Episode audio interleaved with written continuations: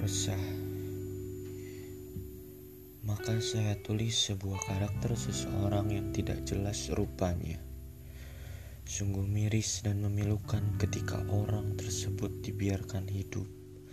Kegelisahan dan rasa takut yang mendalam menjadi sebuah cobaan yang sangat berat untuknya.